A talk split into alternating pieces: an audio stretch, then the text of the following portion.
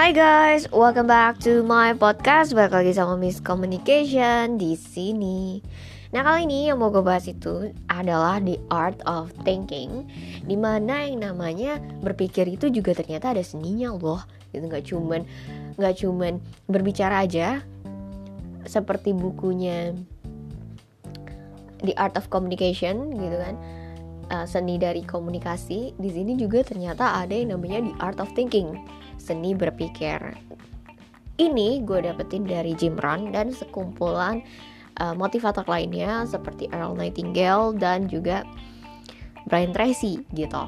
Dan tapi ini lebih banyak emang Jim Rohn. Dan gue itu suka banget sama Jim Rohn karena dia menjelaskan secara detail gitu. Yang pertama itu choose your thinking. Jadi seni berpikir itu adalah satu memilih apa yang kita pikirkan gitu. Kok bisa? Nah jadi ceritanya Jim Rohn ini bilang waktu baby kita tuh terima aja kan masukan dari orang gitu kan. Orang ngomong apa ya kita terima gitu kan. Orang ngomong apa kita terima karena we don't know which one is right which one is not for us gitu kan. Jadi kita dengerin aja semua orang ya kita terima-terima aja gitu kan. Nah, tapi ketika kita sudah dewasa, apalagi bukan teens ya, udah lebih dewasa lah gitu kan, udah masuk 20 ke atas gitu kan. Itu dia bilang jangan biarin orang-orang itu tuh melempar pikirannya mereka ke kita gitu. Dan akhirnya kita hidup dari hasil hidupnya mereka gitu kan. Kenapa gitu? Karena apa yang mereka pikirkan itu kan kita misalnya terima gitu. And then ketika mereka berpikir seperti itu kita terima mentah-mentah. Ya kita akan hidup seperti mereka gitu kan. Makanya kenapa kita perlu pilih-pilih pikiran apa yang kita mau dan cari orang yang kita maunya ke mana gitu. Jangan ikutin mereka gitu. Jadi kalau misalnya mereka nih misalnya punya temen tukang gibah gitu kan. Atau tukang ngejelekin orang misalnya gitu kan. Atau mungkin um, yang lebih parahnya mungkin suka memfitnah gitu kan. Waduh. Ya jangan ikut campur gitu. I mean bukan gimana ya. Maksudnya um, biarin aja gitu kan. Kalau misalnya kita udah bilangin mungkin itu kurang baik atau segala macam mereka nggak suka atau mungkin kita diam aja udah kita cukup tahu kita pilih yang lain. Itu depends on masing-masing ya maksudnya mau ngapainnya. Tapi yang jelas di sini adalah pilih apa yang ingin kita pikirkan. Dan jangan biarin orang-orang itu tuh memasukkan apa yang mereka kira benar gitu. Contoh misalnya gue ketemu teman yang bilang gue aneh. Dulu gue tuh sedih gitu dibilang aneh. Kenapa? Karena mungkin mereka benar gitu. Dan gue juga nggak tahu gue anehnya di mana. And then after that I feel worry kan. Bener-bener worried banget kalau misalnya uh, there's something wrong with me gitu kan.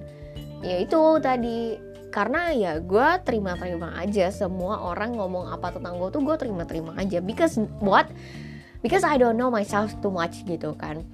I jadi aku tuh lebih malah mikirin orang ngomong apa gitu kan. Dulu gitu kan. Sekarang masih tapi enggak enggak apa ya enggak into that gitu. I mean like I have to choose gitu loh. Yang mana yang sesuai mana yang enggak. Orang itu akan ada banyak banget yang ngomongin kita gitu kan maupun kita marah maupun kita nggak marah ya tetap diomongin gitu. Jadi satu-satunya cara adalah ya kontrol our own thinking gitu kan. Uh, ini masuk nggak ke gua? Kalau nggak masuk udah nggak usah masukin gitu. Ini masuk nggak? Ini nggak usah ya udah lepasin gitu kan. It's better that way gitu. We have to use our own thinking. Dan jangan biarin orang itu tuh untuk eh, lemparin aja pemikiran mereka tentang kita. Atau mungkin mereka ngomong ya kita pelit lah ya kita um, apa namanya egois lah atau mungkin kita sok pinter lah atau apalah gitu kan. We have to reflect ourselves aja gitu evaluate ourselves gitu. Kira-kira bener gak sih yang diomongin mereka gitu? Jangan terima mentah-mentah. Kenapa? Karena it's really dangerous for us gitu kan. Especially the one that criticize ourselves so much gitu.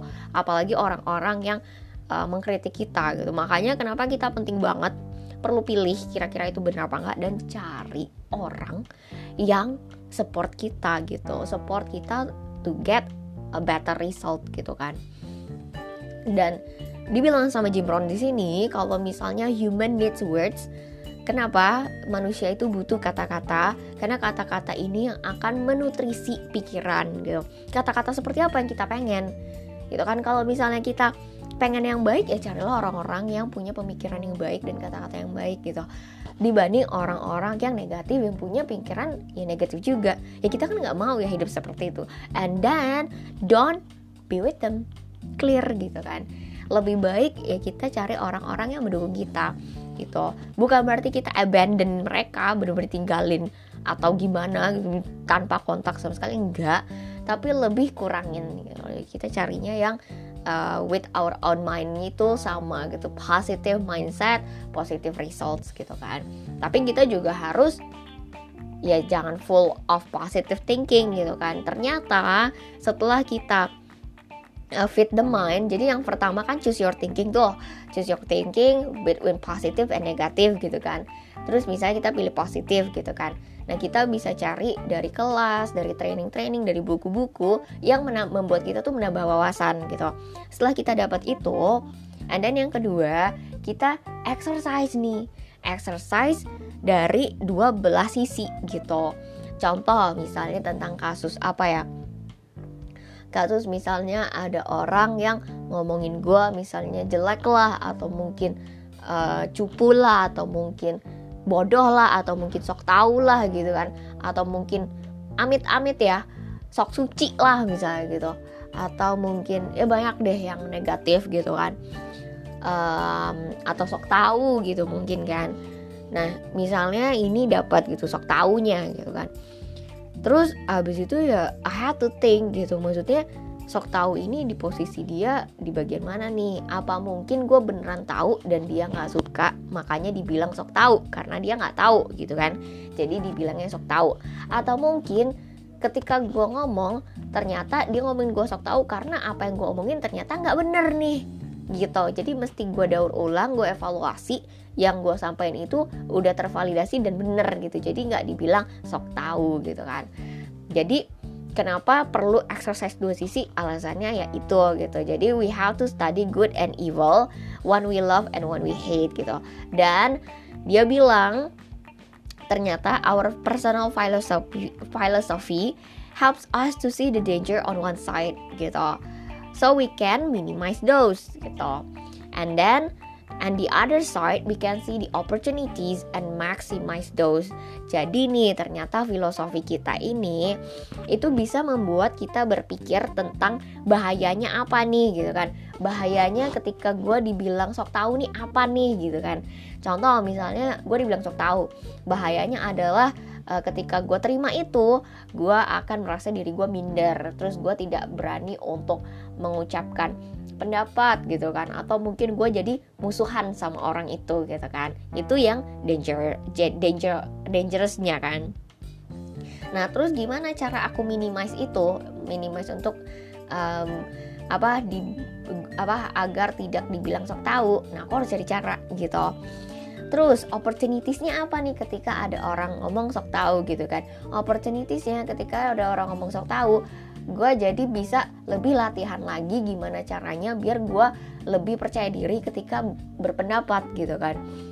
Terus juga gimana caranya biar ternyata gue tuh dapat uh, apa encouragement encouragement dari misalnya bukti-bukti lain yang mendukung gue kalau statement gue ini benar gitu kan so we have uh, so we have to support the opportunities and maximize them gitu kan. Jadi we think nih ketika ada yang bilang sok tahu dangerousnya adalah itu gitu. Dan um, ternyata positive sidesnya adalah ini gitu. Jadi I have to prepare myself more so sok tahu ini nggak keluar lagi nanti ke depannya gitu kan. Atau mungkin uh, aku bisa ngomong gitu. Ya mungkin buat temen-temen bilang aku sok tahu nih tapi gitu kan. Ternyata ini bukan cuma gue loh yang ngomong gitu kan atau ada adalah mungkin ahli-ahli atau apa gitu. So we can uh, maximize the opportunities gitu kan. Terus beware of the thief on the street that after your purse beware of the thief in your mind that after your promise gitu kan. Jadi maksudnya apa nih? Ternyata kita tuh kan kita tuh punya misalnya kita di jalan nih punya bawa dompet lah gitu. Terus kita waktu bawa dompet uh, kita ya harus hati-hati dong sama dompetnya. Nggak mungkin kan waktu kita jalan kita kasih lihat orang-orang eh lihat dompet gue tebel loh dompet gue tebel loh. Kan it's it really doesn't make any sense gitu kan. Karena ya ya ya kan kita harus hati-hati perampok sama perampok sama pencuri gitu kan.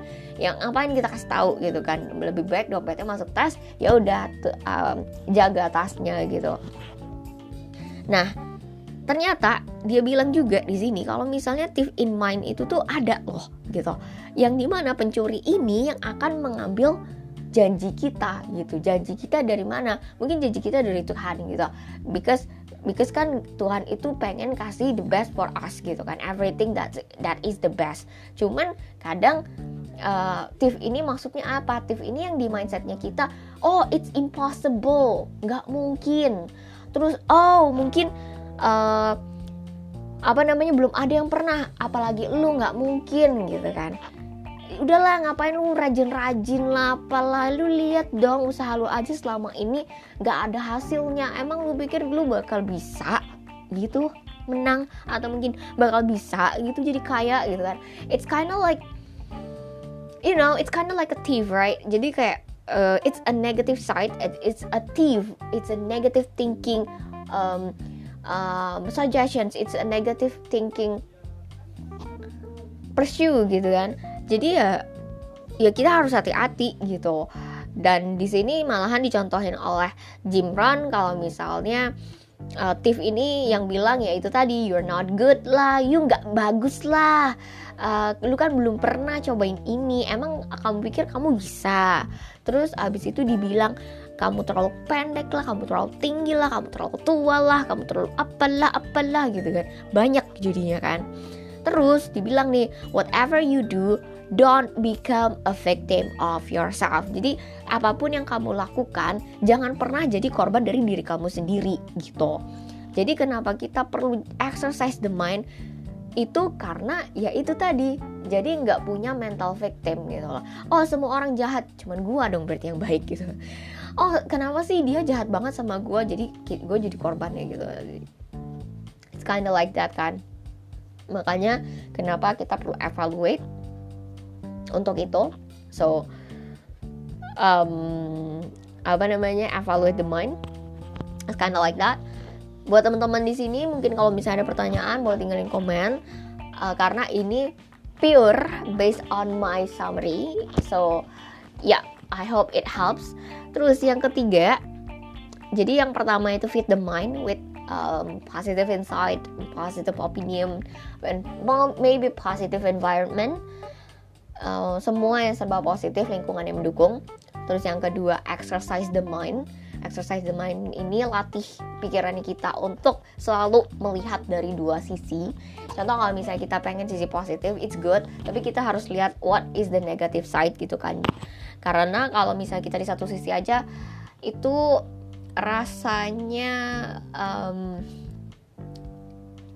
apa ya rasanya bagus tapi maksudnya akan lebih baik lagi kita kalau kita bisa dua sisi lihatnya gitu terus jangan lupa untuk build your library. Jadi maksudnya di sini build your library kalau misalnya kita udah coba fit the mind nih terus juga exercise the mind kita udah ngerti nih gitu kan.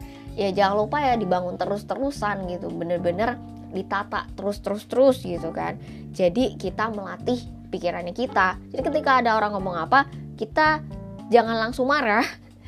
Karena kalau marah itu uh, sebenarnya yang menjawab itu adalah reaksi based on the philosophy tapi kalau misalnya kita diam dulu nih mikir gitu kan jadi ya kira-kira bener gak nih kira-kira apa yang perlu diperbaiki ini that's why evaluation is really important terus yang ketiga what to say and what not to say, what to do or what not to do, itu kita perlu pilih-pilih gitu.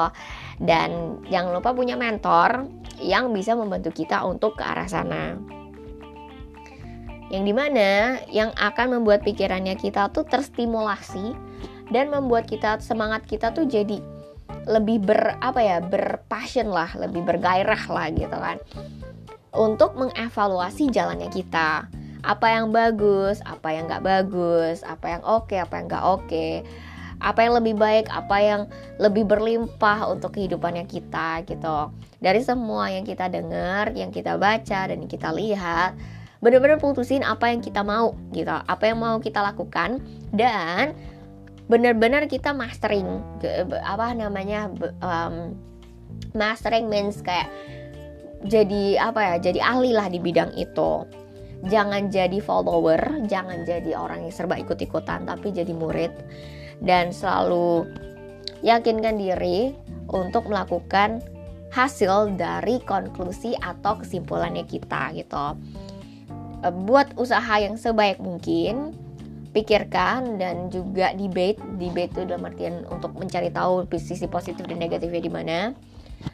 Yang penting ini itu tuh akan menghasilkan hasil yang cukup layak lah gitu. Layak harga yang harga yang dibayarkan dengan cukup layak gitu. Karena ketika kita sudah melatih ini kita tuh akan menjadi orang yang getting better each time dan yang keempat things happen and we react gitu. Yang keempat itu tuh kita tuh kadang melihat suatu kejadian dan kita langsung reaksi kan. Dan ternyata nih hidup ini itu seperti reaksi yang secara terus-menerus kita lakukan terhadap dorongan dari luar gitu. Untuk orang-orang yang rata-rata biasa aja yang yang simply eh, nggak uh, nggak terlalu paham dengan art of thinking ini gitu. Terus yang kelima, what happens in your mind happens as a result of your attitudes. Jadi dibilang apa yang terjadi di dalam pikirannya kita itu terjadi karena hasil dari sikapnya kita dan perasaannya kita dan juga pola kebiasaannya kita gitu.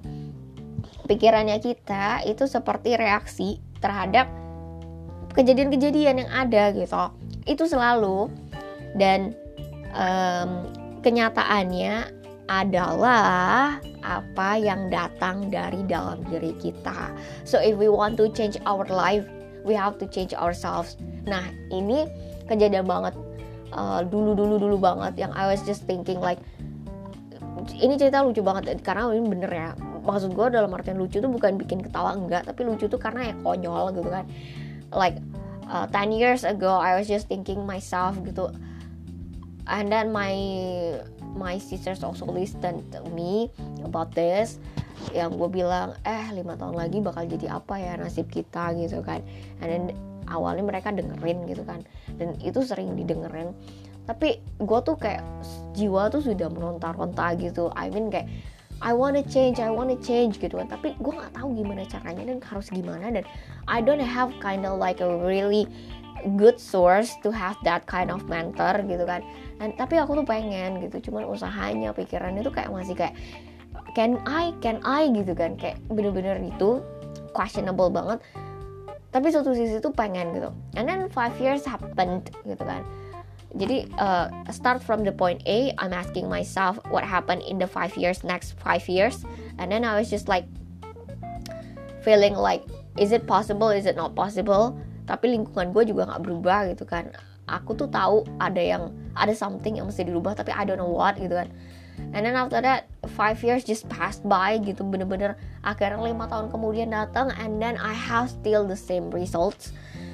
Terus abis itu um, setelah lima tahun dengan hasil yang sama I I keep asking myself gitu kan. Asking myself to my family to my sister uh, to my friends maybe like I don't know. I was just like forget about it. Tapi yang jelas I keep asking about these questions. What happened to my five next five years gitu kan. And then after that should I change? What should I change?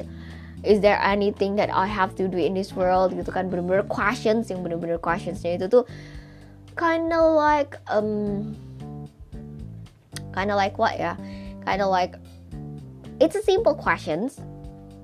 Dan gue tuh masih kayak bingung aja gitu loh. Kok pertanyaan ini muncul lima tahun yang lalu tapi lima tahun sekarang which is nothing happened and none of things that is change gitu kan. Dan akhirnya ya yang dengerin akhirnya malah sebel malah marah gitu kan. Maybe they have their own fear and then dia marah mereka tuh marah gitu karena because their life also don't change gitu kan you ask to the wrong person I'm asking to the wrong number. So, ya aku nggak dapat apa-apa gitu.